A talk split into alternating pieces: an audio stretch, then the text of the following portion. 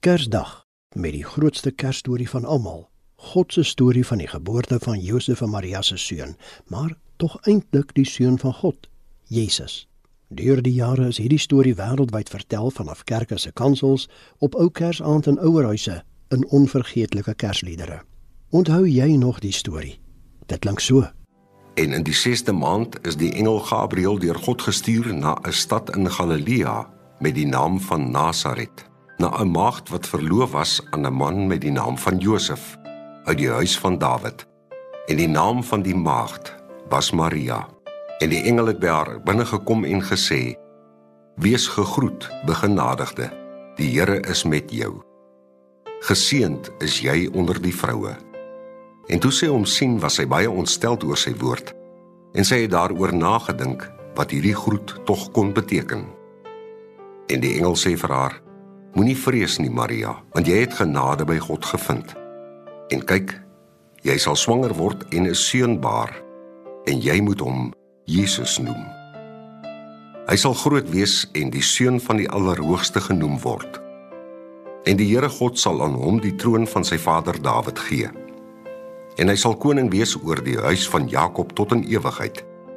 En aan sy koninkryk sal daar geen einde wees nie. Toe sê Maria vir die engel: "Hoe kan dit wees aangesien ek geen man het nie?" En die engel antwoord en sê vir haar: "Die Heilige Gees sal oor jou kom en die krag van die Allerhoogste sal jou oorskadu. Daarom ook sal die heilige wat gebore word seun van God genoem word." En in daardie dae het daar 'n bevel uitgegaan van keiser Augustus dat die hele wêreld ingeskryf moes word. Hierdie eerste inskrywing het plaasgevind toe Serenius gouverneur van Sirië was. En almal het gegaan om ingeskryf te word, elkeen na sy eie stad. En Josef het ook opgegaan van Galilea uit die stad Nasaret na Judea, na die stad van Dawid wat Bethlehem genoem word omdat hy uit die huis en geslag van Dawid was, om hom te laat inskrywe saam met Maria, die vrou aan wie hy hom verloof het, wat swanger was. En terwyl hulle daar was, is die dae vervul dat sy moes baar. En sy het haar eersgebore seun gebaar en hom toegedraai in doeke en hom in die krib neergelê, omdat daar vir hulle geen plek in die herberg was nie. En daar was herders in dieselfde landstreek wat in die oop veld gebly en in die nag oor hulle skape wag gehou het. En met een staan daar 'n engel van die Here by hulle. En die heerlikheid van die Here het rondom hulle geskyn en groot vrees het hulle oorweldig. En die engel sê vir hulle: Moenie vrees nie. Want kyk, ek bring julle 'n goeie tyding van groot blydskap wat vir die hele volk sal wees dat vir julle vandag in die stad van Dawid gebore is, die saligmaker wat Christus, die Here is. En dit is vir julle die teken. Julle sal 'n kindjie vind wat in doeke toegedraai is en wat in die krib lê.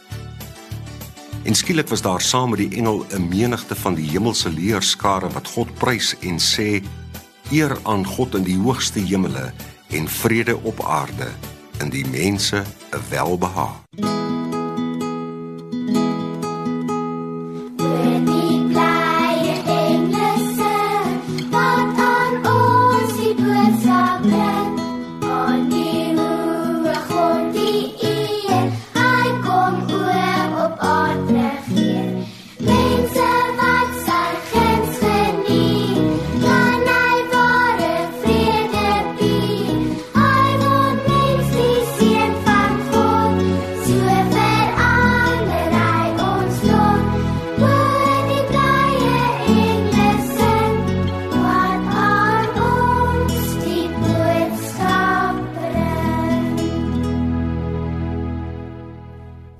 Die grootste storie van almal, die geboorte van Jesus in Bethlehem, het daar oor die jare baie Kersstories ontstaan wat op 'n of ander manier te doen het met hierdie groot Kersverhaal. Kom ons luister dan vandag na 'n klompie hiervan.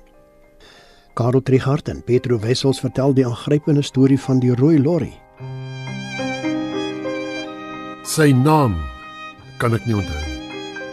Was sy gesiggie. En daardie Kersfees so paar jaar gelede sal ek nooit vergeet nie. Dit was 'n mistroostige warm Kaapse Kersmiddag. Veral vir hulle wat nie saam met hulle familie by 'n Kerstafel kon aansit nie.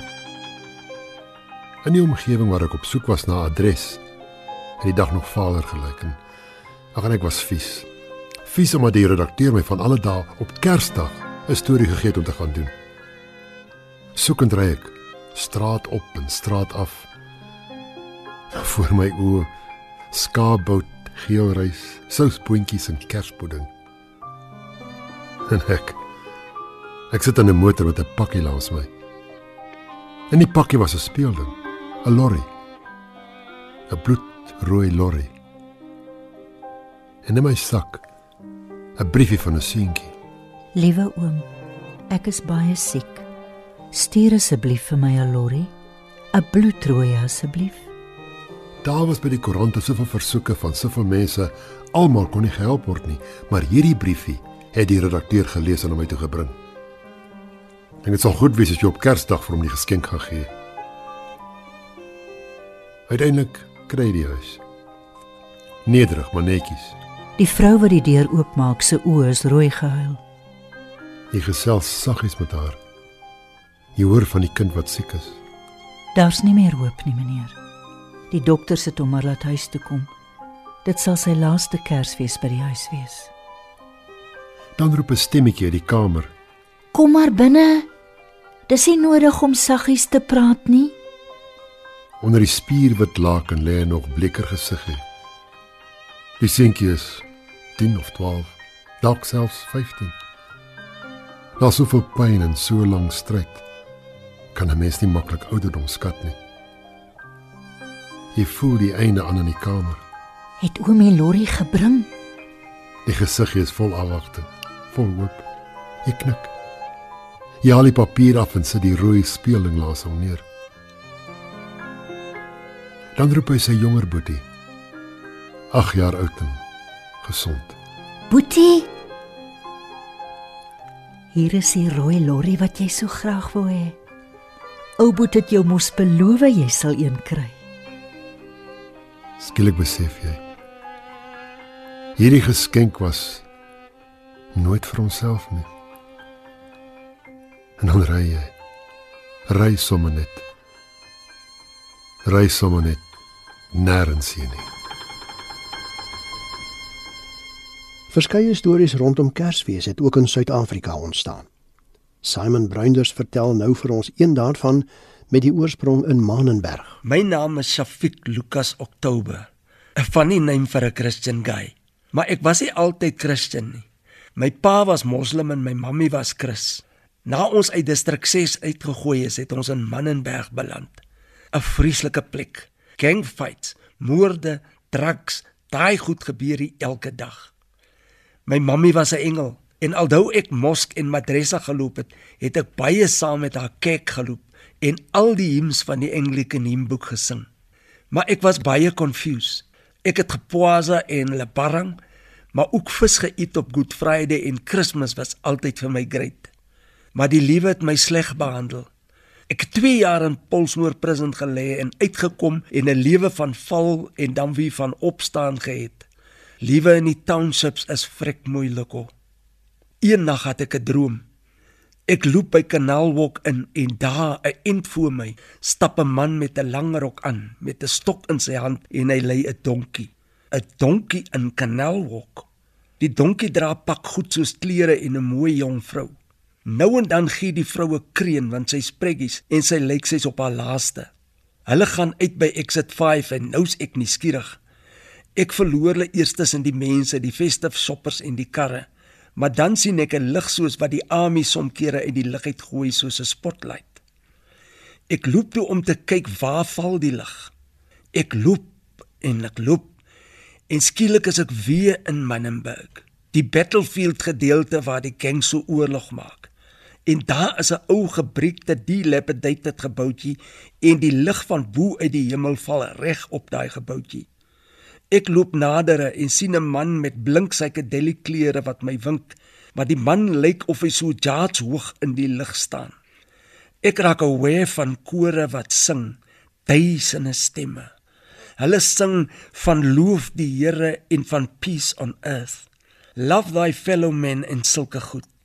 Vir my uit Menenberg was hierdie goeie incomprehensible. Peace on earth, love thy fellow man terwyl die bullets van Menenberg die hele dag vlieg. So sing hulle nou. Geen band wat speel nie, net die beautiful stemme. Ek stap toe maar in by die gebouetjie en daar's toe so 'n eerie lig in die plek. Die donkie staan effens agter die gebou en vriet gras. Dan sien ek die man met die lang rok binne staan. Hy glimlag vriendelik. Ek smile nervously terug. Op 'n ou melkkrat sit die mooi meisie. Sweet staan op haar voorkop en van haar swart hare kleef aan die gesiggie. Sy's jonk, seker 16 of so. Haar oë dwing myne na regs en daar op die grond lê 'n ou gladgeryde voorby voortuie. Binne-in is 'n streepsak en 'n ou handdoek en net daar in daai vuil mossige plek langs die mooi vrou, die man in die lang rok en die ou in die shiny outfit, bo op daai vuil rommel lê 'n baby. Ek sak op my knieë en die trane loop by my wange af. Ek kyk die pragtige kindjie en hy kyk na my met vriendelike oogies en deur sy oë sien ek die sorry state van die Cape Flats van die wêreld, die poverty, die murders, die verraad, corruption, die sondes, die hopelessness. Ek val neer op daai vuil mossige vloer en toe bid ek. Bid vir hierdie lady in die vuil handdoek wat in die tyer lê. Dit lyk of my mond somme net met my op die loop neem. Geen snik kom uit my uit nie. Ek huil nie, maar die trane stroom. Here, nou hier loof ons jou. Jy wat soveel Kersfees gelede gebore is in 'n stal op die grondvloer. Ja, op die sandvloer, Here. In 'n plek wat gestink het. In 'n plek waar mens nageword het van die bedompigheid. Ja, ons ken sulke plekke, Here. Ons het duplicates van hulle all over in die Menenberg in die Bonteheuwel in die Lavender Hill aan die kant die Blou Vlei by Retreat. Ja, ons ken sulke plekke en daarom loof ons jou. Kosbaai jy wat die grootste experience van ons almal het van sulke plekke. Net jy kan ons help. Net jy kan sorg dat daar vir ons hierdie Kersfees 'n nuwe liede soos 'n Moses gebore word vir die wêreld. Om ons te lei deur hierdie duistere, donkere wêreld. Seën ons asseblief, Here, as ons laag voor U kruip en dankie sê. Amen. Professor Piet Meyring, afgetrede dosent aan Tukkies, het op sy oorseese reise heelwat moderne Kersstories gehoor. Hy vertel ons nou daarvan. Baie van die luisteraars sal nog onthou van die ongelooflike geleentheid 25 Desember 1914, 'n paar maande na die oorlog begin het. Dit was 'n verskriklike oorlog. Die soldate het in loopgrawe gesit en hulle het geveg meter vir meter sonder om eintlik ergens te kom. Duisende het gesterf toe dit Kerstyd word, het Paus Benedictus die 15de 'n ensikliek uitgevaardig en gevra: "Ag, kan die gewere en die kanonne tog nie op Kersdag stilgemaak word nie?" Maar die bevelvoerders het hulle nie daaraan gesteer nie. Die oorlog sal aangaan, het hulle gedink. Toe dit Kersdag word, het iets heel merkwaardigs gebeur. 'n Klomp Duitse soldate wat in 'n lang loopgraaf gelê het, het begin om Kersliedere te sing in Duits, een na die ander. Keiser Wilhelm II, wat baie graag die gees van sy troepe wou bou, het gesorg dat daar klomp kersbome afgelewer word in die loopgrawe. Van die Duitse soldate het die kersbome bo die loopgrawe uitgesteek en in die grond geplant. Een Engelse soldaat het dit gehoor en hy was so vrypostig om sy kop uit te steek om te kyk wat gebeur. En hy's toe nie geskiet nie. Hy het uitgeklim en gekyk, maar hier staan kersbome rond. Later het al die soldate hom gevolg en het hulle saam begin om kersliedere te sing, selfs persentjies uit te deel. Maar daar was tyd vir vrolikheid. Hulle het nie net gesing en grappies gemaak nie. Hulle het selfs op een plek 'n sokkerwedstryd georganiseer wat Duitsland gewen het, 3 teen 2. Later het die Engelse brigadier-generaal Walter Congreen gesê wat vir hom die meeste getref het, is laat die middag toe hulle weer na die loopgrawe moes gaan om weer oorlog te voer. Hulle vir oulaas gesing het Old Lang Syne sal ons ou kennisse ooit vergeet. Die geskiedenis vertel dat daar een Duitse soldaat was, 'n boodskapper wat tussen die loopgrawe met boodskappe moes rondloop, Adolf Hitler. En hy het glad nie gedink dat dit goed is nie. Hy het gemompel en gesê: "Ons is hier om oorlog te maak, nie om kersliedere te sing nie." Soos die generaals aan beide kante, die Britse en die Duitse generaals ook gevoel het. En die volgende paar jare van die oorlog het hulle gesorg dat die soldate nie weer uitspring uit die loopgrawe om Kersfees te vier nie. My tweede storie kom uit die Tweede Wêreldoorlog. Dis die aangrypende storie wat 'n Hollandse dominee vertel het wat met hom gebeur het.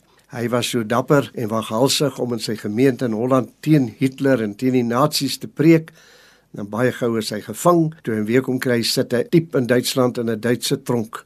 Hy die doodsvonnis oor hom. Enige oomblik kan dit voltrek word. Hy weet nie wat met hom gaan gebeur nie. Maar dit is in die middel van die winter en is yskoud en alles is buite spierwit gesneeu skielik besef hy maar dit is ou kersaand. Dit is 24 desember. En daar oorval die heimwee hom hy het in sy sel gesit en gedink aan sy vrou en kinders gewonder wat met hulle gebeur het toe hy gearresteer is lewe hulle nog is hulle ook in 'n tronk Hy het aan sy gemeente gedink wat nou hierdie uur bymekaar sou kom om ou Kersaand te vier, om Kersliedere te sing en hy het besluit hy wil deel wees daarvan.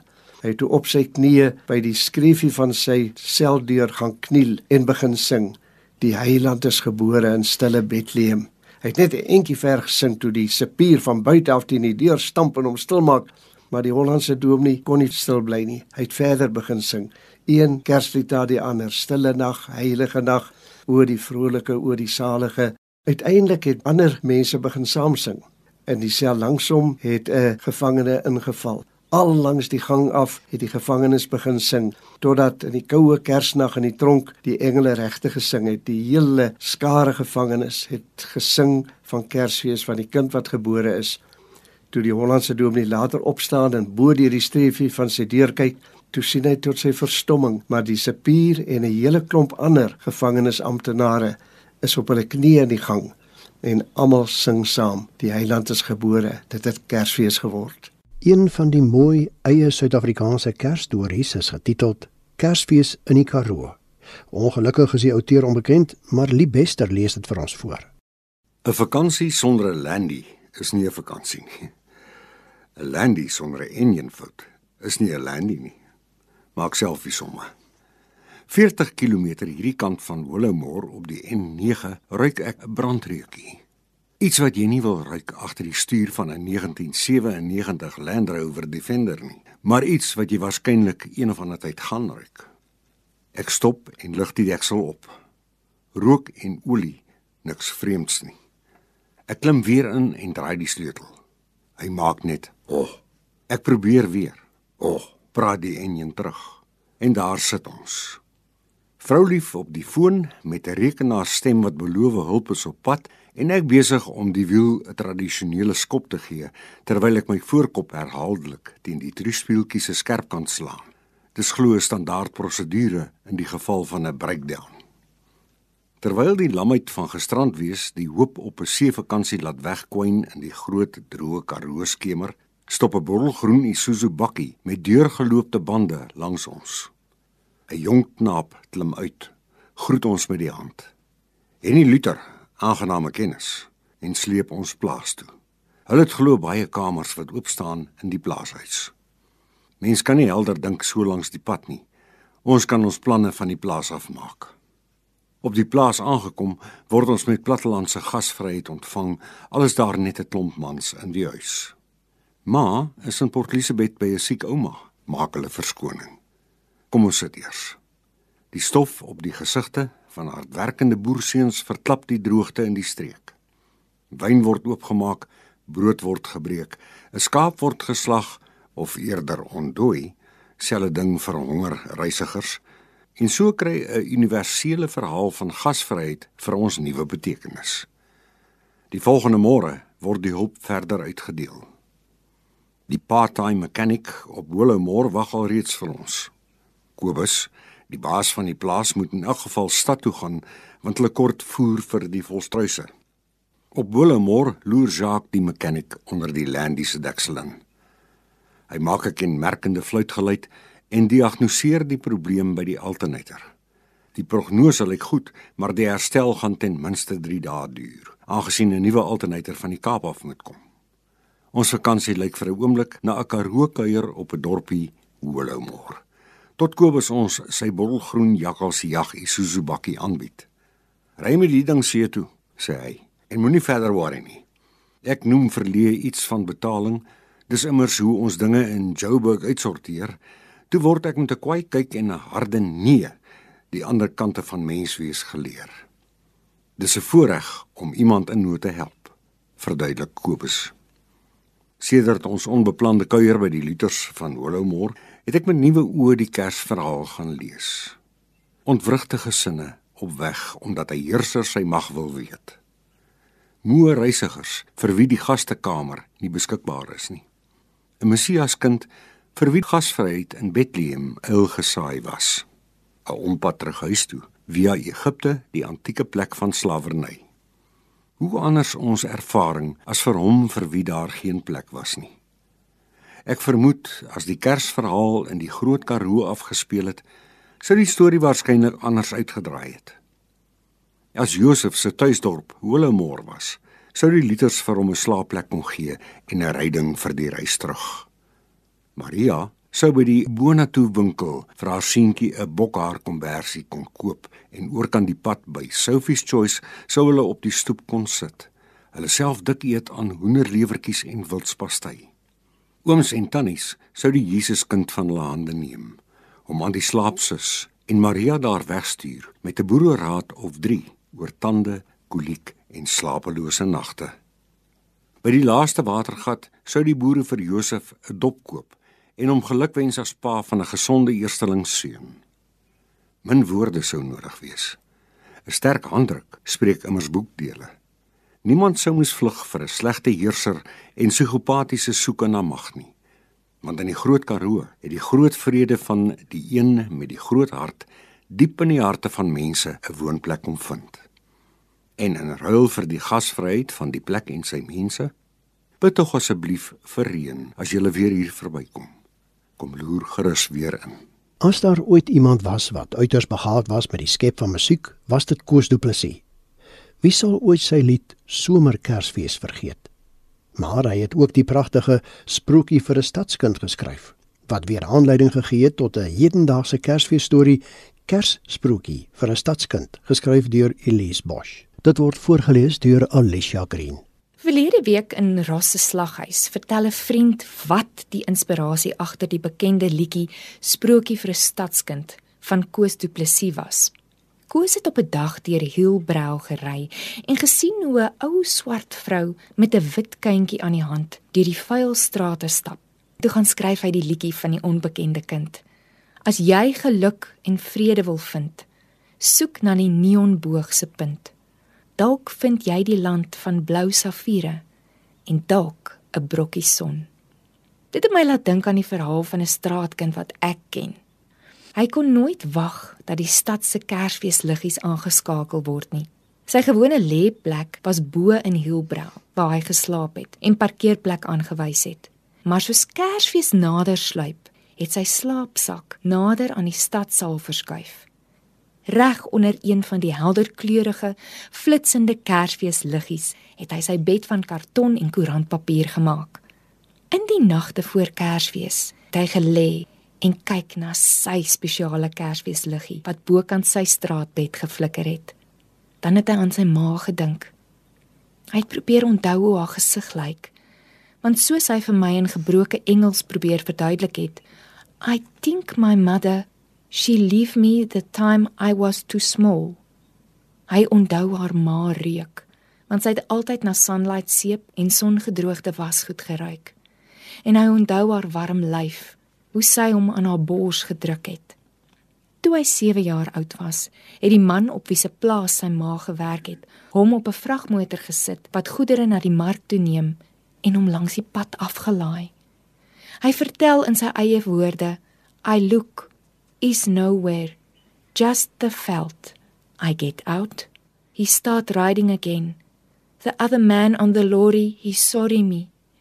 He throw down the cold mealie pap in the newspaper to eat and 50 cents. He shouts, "Go to Igoli, that way." Maar hy het geweet God sal hom nooit weggooi nie. Die Mudimu, van wie sy ma hom vertel het, sal vir hom sorg. Dan skielik trek hy los met die liedjie wat sy ma hom geleer het, Wangi Tandu Jesulo. Jesus min my salig lot. Een Kersfees het 'n kerkgroep vir die straatkinders van Hielbrau kos gebring. 'n Vrou in die groep is getref deur die manier waarop een van die kinders sy klein handjies uitgehou het. En net soos met Koos doep, het die kind by haar gespook. Hoe kon sy sê sy's 'n Christen en 'n ma daarbey as sy weet daardie kindjie gaan Kersnag in die strate deurbring? Die volgende aand het sy hom gaan haal in haar groot Duitse motor. Sy het haar eie kinders saamgevat Sy het hom na haar huis in 'n gegoede woonbuurt geneem. Dit sou sy nuwe tuiste word. Nie in 'n buitekamertjie nie, nee, maar in die huis, soos 'n kind, waar hy in die voorregte kon deel en skool toe kon gaan. Mhlantla of Lucky, se Kersgeskenk was 'n ma en 'n huis. Nie sy eie ma nie, want sy kon nie opgespoor word nie, maar 'n ma wat 'n kindjie se hand kom vat het. Hier onder die neonboog se punt. En dan is daar die Kersverhaal deur Amos van der Merwe, Sneeu vir Kersfees, gelees deur Lipester. Hoe gaan 'n mens hemel toe? Die twee kinderoë kyk moeg na my. Delia is maar 8, maar haar oë is die van 'n ou mens. Die verhaal van haar lang stryd tussen hoop en twyfel lê diep in haar blik geets. 'n Bleek handjie wrimmel onder die wit laken om myne te soek. O, ek weet nie, was nog nie daar nie. Ek probeer glimlag, maar ek kan sien dis nie wat sy wil hoor nie. Ek dink Jesus kom jou met 'n koets of so al. Nes Vader Kersfees met sy slee en sy takbokke. Die een laai presente af, die ander laai siele op, sien? Almal weet tog hulle werk saam. Haar mondhoeke krul effens boontoe. Regtig? Ek het nog nooit vir Delia gelieg nie. Kinders weet instinktief baie meer as wat mens dink.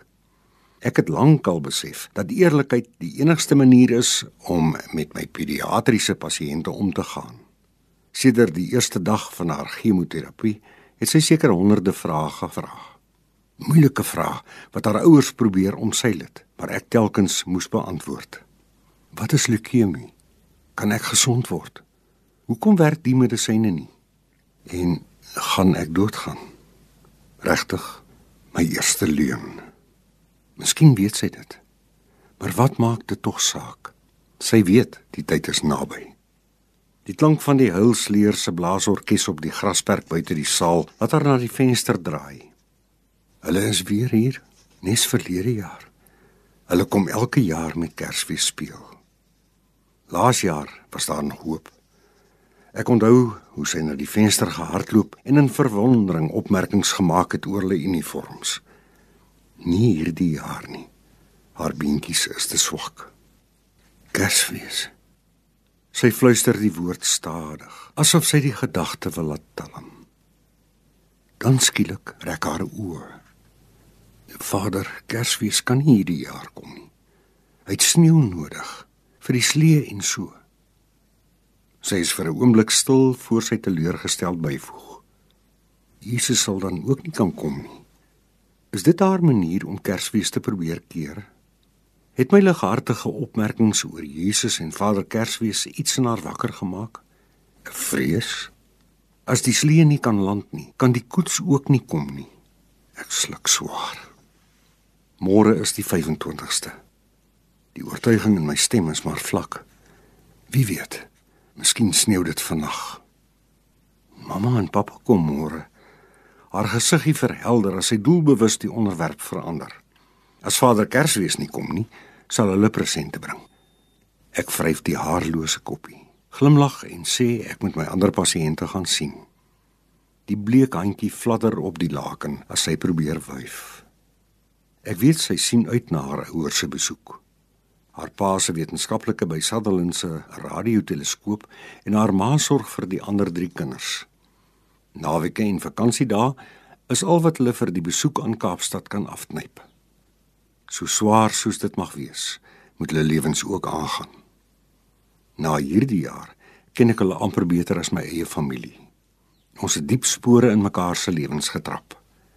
Die res van die saal rondte is maklik. Die meeste kinders is ontslaan met net twee amper gesonde gevalle met brandwonde en die dogtertjie met kroep wat nog in die saal lê. As ek die verpleester groet, vra ek dat sy tyd saam met Delia moet deurbring. Praat met haar asseblief. sonder oor enigiets. Ek dink sy is bang vir die dood. My leuen ry saam na my woonstelletjie toe. Dit was simpel om die vergelyking tussen Jesus en Vader Kersfees te maak. Dit was nou wel op die ingewing van die oomblik, maar in haar kinderbrein het die gedagte nou pos gevat: as Vader Kersfees nie kan kom nie, kan Jesus ook nie. En sonder Jesus se koets kan sy nie hemel toe gaan nie. Ek het my al verwonder oor Delia se aanvaarding van lewe en dood. Ten spyte van haar jeugtige ouderdom, vertoon sy 'n verstommende vermoë om haar siekte te verwerk. En ons twee het al diepgaande gesprekke oor die hiernamaals gehad. Ons het gesels oor die paradys, oor Jesus wat vra dat die kindertjies na hom toe kom en oor hoe die hemel lyk. Sommige lekker gesprekke waarin ek haar verbeelding geprikkel het om te visualiseer hoe sy die hemel sien en wat sy daar verwag. Romeis karretjies, sonskyn, piknikplekke, swaaye en maatjies. Baie maatjies. Ek weet sy is nie bang om hemel toe te gaan nie. Dis die dood wat haar afskrik. Dis 'n onderwerp wat sy eers gister geopper het en my laat besef het. Sy weet haar tyd is naby. Voel 'n mens alleen as hy doodgaan? Is dit seer? Hoe lank bly dit donker? Ook het probeer om te antwoord. Maar hoe verduidelik jy iets wat jy nog nooit ervaar het nie? Ek vertel van my ervaring met ander kinders en dat my indruk een van vrede en rustigheid is. Jy maak jou oogies toe en die volgende oomblik is Jesus daar om jou op te tel. Dis wat ek dink.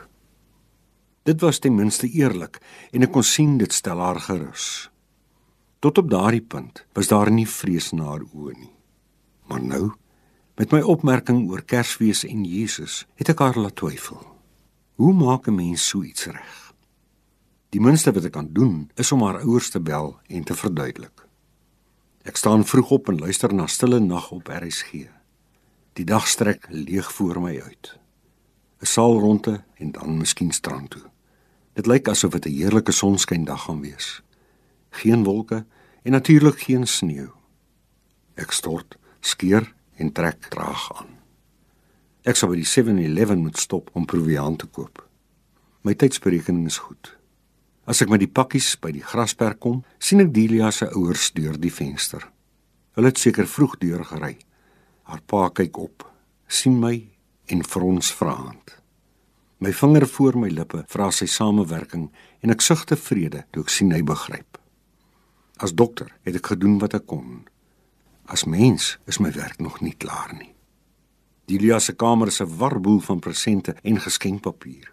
Haar ouers groet vriendelik. Delia se glimlaggie is spontaan, maar die oogies soek myne. Ek weet wat sy dink. Kyk al haar presente. Delia is mal oor die inkleurboek en pappa het 'n nuwe sterreboek gebring. Delia se ma het hartseer oë. Sy weet die boek gaan nooit gelees word nie. Ons is so dankbaar. Ons kan nog hierdie Kersfees saam wees, voeg sy saggies by. Ons gesels oor Sutherland en die ander kinders, oor die weer, oor lekker Kersvakansies in die verlede, oor alles en nog wat. Net nie oor een ding wat so aan Delia naag nie. Haar pa breek die ys. Delia sê jy het vertel dat Jesus en Vader Kersfees so lekker saamwerk. Sy oor is op my. Dis nogal nuus vir my. Veral die probleem met sneeu, jy weet. Somer in die Kaap is nie regtig sneeutyd nie. Vader Kersfees sal dit maar moeilik vind om met sy slee te land nie waar nie. My jene. Haar ma staan by die venster. Wonderwerke gebeur regtig. Kyk, die grasperk is wit van die sneeu. Haar hand vlieg na haar mond toe sy omdraai. Delia, jy sal dit nie glo nie. Ek sal nooit haar gesiggie vergeet toe haar pa die tenger lyfie in sy sterk arms optel en na die venster dra nie. Haar oë rek van verbasing en die glimlag is opgewonde. Die een maar armpie klem los weg om haar pa se nek, terwyl die ander een na die wit grasperk beduie. Vader Kersfees, fluister sy. Delia het nog 'n halfuur getalm en toe haar oë toegemaak. Iets in my het geweet, dis die laaste keer. Later, toe dit alles verby is, groet ek haar ouers op die wit grasperk. Ons is al drie nie in staat om baie te sê nie. Maar haar pa se hartlike handdruk spreek boekdele. Dankie dokter. Dit was so 'n mooi gebaar. Miskien moet julle dit net so los. Ek het gehoor hulle verwag reën vandag. Of die wind sal dit wegneem. Haar ma se stem is sag, soos vir Delia. Ek glimlag wrang toe hulle motor vertrek. Dan stap ek terug na die saal om by die ander pasiënte 'n draai te maak. Dokter, Suster Meiburg se streng stemtoon laat my in my spore vassteek. As jy dink jy gaan my saal se vloere vol wit voetspore trap, kan jy weer dink. Wie dink jy moet dit skoonmaak? Ania. Sy's reg natuurlik. Meel op haar vloer. Dit sal nie deug nie. Haar houding versag as sy byvoeg. Ek het die meelsakkies klaar weggegooi. Vir die eerste keer in my lewe doen ek my saalronde in my sokkies. Dis 'n klein prys om te betaal vir Vader Kersfees se landingsstrook en vir Jesus se koets natuurlik. Netwerk 24 het 'n moderne Kersverhaal gepubliseer wat 'n mens nogal aan die dink sit. Die outeur is onbekend. Dit word weer vir ons voorgeles deur Alicia Green. Ek is nie een vir persente en die dinge nie. Inteendeel, ek sal liewer enige tyd gee in plaas van ontvang. Net nou die dag het ek 'n reuse beespout in biltonge opgesny en droog gehang. En voordat selfs my kinders 'n stukkie hiervan kon kry, het ek dit klaar onder my vriende en selfs vreemdes uitgedeel. Dis was verjaarsdae en Kerstyd nog altyd vir my meer van 'n verleentheid as iets anders. As iemand iets vir my gee, bloos ek gewoonlik rooier as Vader Kersfees se rooi gewaad. Maar gee, die wil ek. My vriende en familie sê altyd, as ek die lotto moes wen, sal die miljoene vinniger verdwyn as die tyd wat dit my geneem het om die kaartjie te koop. En boonop sal ek persoonlik niks te wys hê daarvoor nie, net vreugde in die hart. Juis as kind het ek 1 jaar voor sonop, een Kersoggend wakker geword. Kort nadat Kersvader by die skoorsteen afgeseil het om ons geskenke onder die helder versierde boom te plaas. Ek was weer eens skaam dat daar 'n pakkie met my naam onder die kersboom was, terwyl ek nie eers 'n briefie vir Kersvader geskryf het nie. Maar ek het 'n ander plan gehad. Met die vrye pakkie onder my arm het ek by die venster uitgeglip terwyl my maale nog lekker geslaap het en by die straat afgestap na die verwaarloosde huisie op die hoek. My pa was altyd so vererg deur die de mekaar flenterhuis wat hy gesê het ons buurt so ontsuur. Hier het 'n seentjie gewoon. Ek dink sy naam was Paul. Hy was so jare of wat jonger as ek. En as ek van die skool af verby sy huis gestap en gegroet het, het hy net grond toe gekyk en onsigbare klippe geskop. Sy klere was maar altyd 'n paar grootes te klein vir hom en dikwels was daar iewers op sy gesig 'n blou kol. Die kere dat ek wel vir 'n oomblik in sy oë kon kyk, het ek reeds op daardie jong ouderdom agtergekom dat daar groot hartseer asook verlange in daardie amandelgroen oë skyn. Ons het uiteindelik gehoor dat sy ma baie jare van tevore weggeloop het en dat sy pa by die rioolwerke daar heel onder in die dorp gewerk het. Laat aand kon jy die V8 enjin van sy pa se Valiant hoor as hy by die huis kom. Van waar weet ek nie. En soms, baie laat in die nag, kon ek uit my slaapkamer hoor hoe 'n diep stem brul en raas en die geluid van goed wat rondgegooi word en glas wat breek. En soms het ek my verbeel dat ek die naam Paul tussendeur die remoer kon hoor. Dus het ek daardie Kersoggend besluit dat ek my geskenk op Paul se drempel gaan los. Niemand sou weet dat ek my persent weggegee het nie. En my paale sou net dink dat Kersvader besluit het dat ek nie 'n Kersgeskenk verdien het nie. Dit sou my in elk geval gered het van daardie ongemaklike geblosery later die oggend. So is ek met die pink pakkie by die straat af. Ek het nie geweet watter slaapkamer Paulsen was nie. Stadig sluip ek om die huis en by die eerste venster waar ek kom, hoor ek 'n bulderende gesnork en ek weet sommer dadelik dat dit Paul se pa is. Uiteindelik kry ek Paul se kamer en met die maan wat effens deur die gordynlose gekraakte ruitte skyn, sien ek sy stil figuur op die geroeste eysterkatel lê nie eens 'n kussing onder die kop nie. Die venster is effens oop en ek skuif die ruit nog verder oop om die pakkie op die vensterbank te plaas. Paul wikkel effens in sy bed met die skuifgeluid, maar gelukkig slaap hy verder. daad gedoen, sluip ek terug na my huis met 'n lied in my hart. My ouers was taamlik verward dat daar nie 'n geskenk onder die boom was vir my daardie oggend nie. Maar ek het vinnig verduidelik dat daardie jaar nie my beste jaar was nie en klaarblyklik het ek niks van Kersvader af verdien nie. Later deur die dag speel ek en my broer met sy splinternuwe Springbok rugbybal in die straat. Die hoek van my oog vang Paul onder in die straat. Weer het hy 'n vervlenterde kortbroek aan en hy loop kaalvoet. En al bak Desember se parelson al behoorlik, dra hy 'n helder groenkleurige trui met Paddington Bear daarop. O, oh, Paddington was my gunsteling karakter as kind. Jaloesie het deur my are geloop, so mooi was die trui. Maar toe ek verder opkyk na Paul se gesig, was daar vir die eerste keer 'n glimlag daarop en 'n sprankel in sy oog wat my verwelkom het. Stadig stap hy na ons toe en my broer gooi vir hom die rugbybal. "Kyk," sê hy en wys na sy trui. "Kyk wat my ma my vir Kersfees gegee het." Ja, dit is vandag Kersfees, die wonderlike verhaal van God se liefde wat ons herdenk. Maar vandag is jy ook deel van hierdie verhaal met jou eie verhaal daarbey ingeweef gaan skryf dan verder aan 'n persoonlike eie tydse Suid-Afrikaanse Kersverhaal met jou naam daarbey as outeur. Jou verhaal van die uitleef van God se liefde in Jesus Christus aan jou en aan almal om jou. Geseënde Kersfees.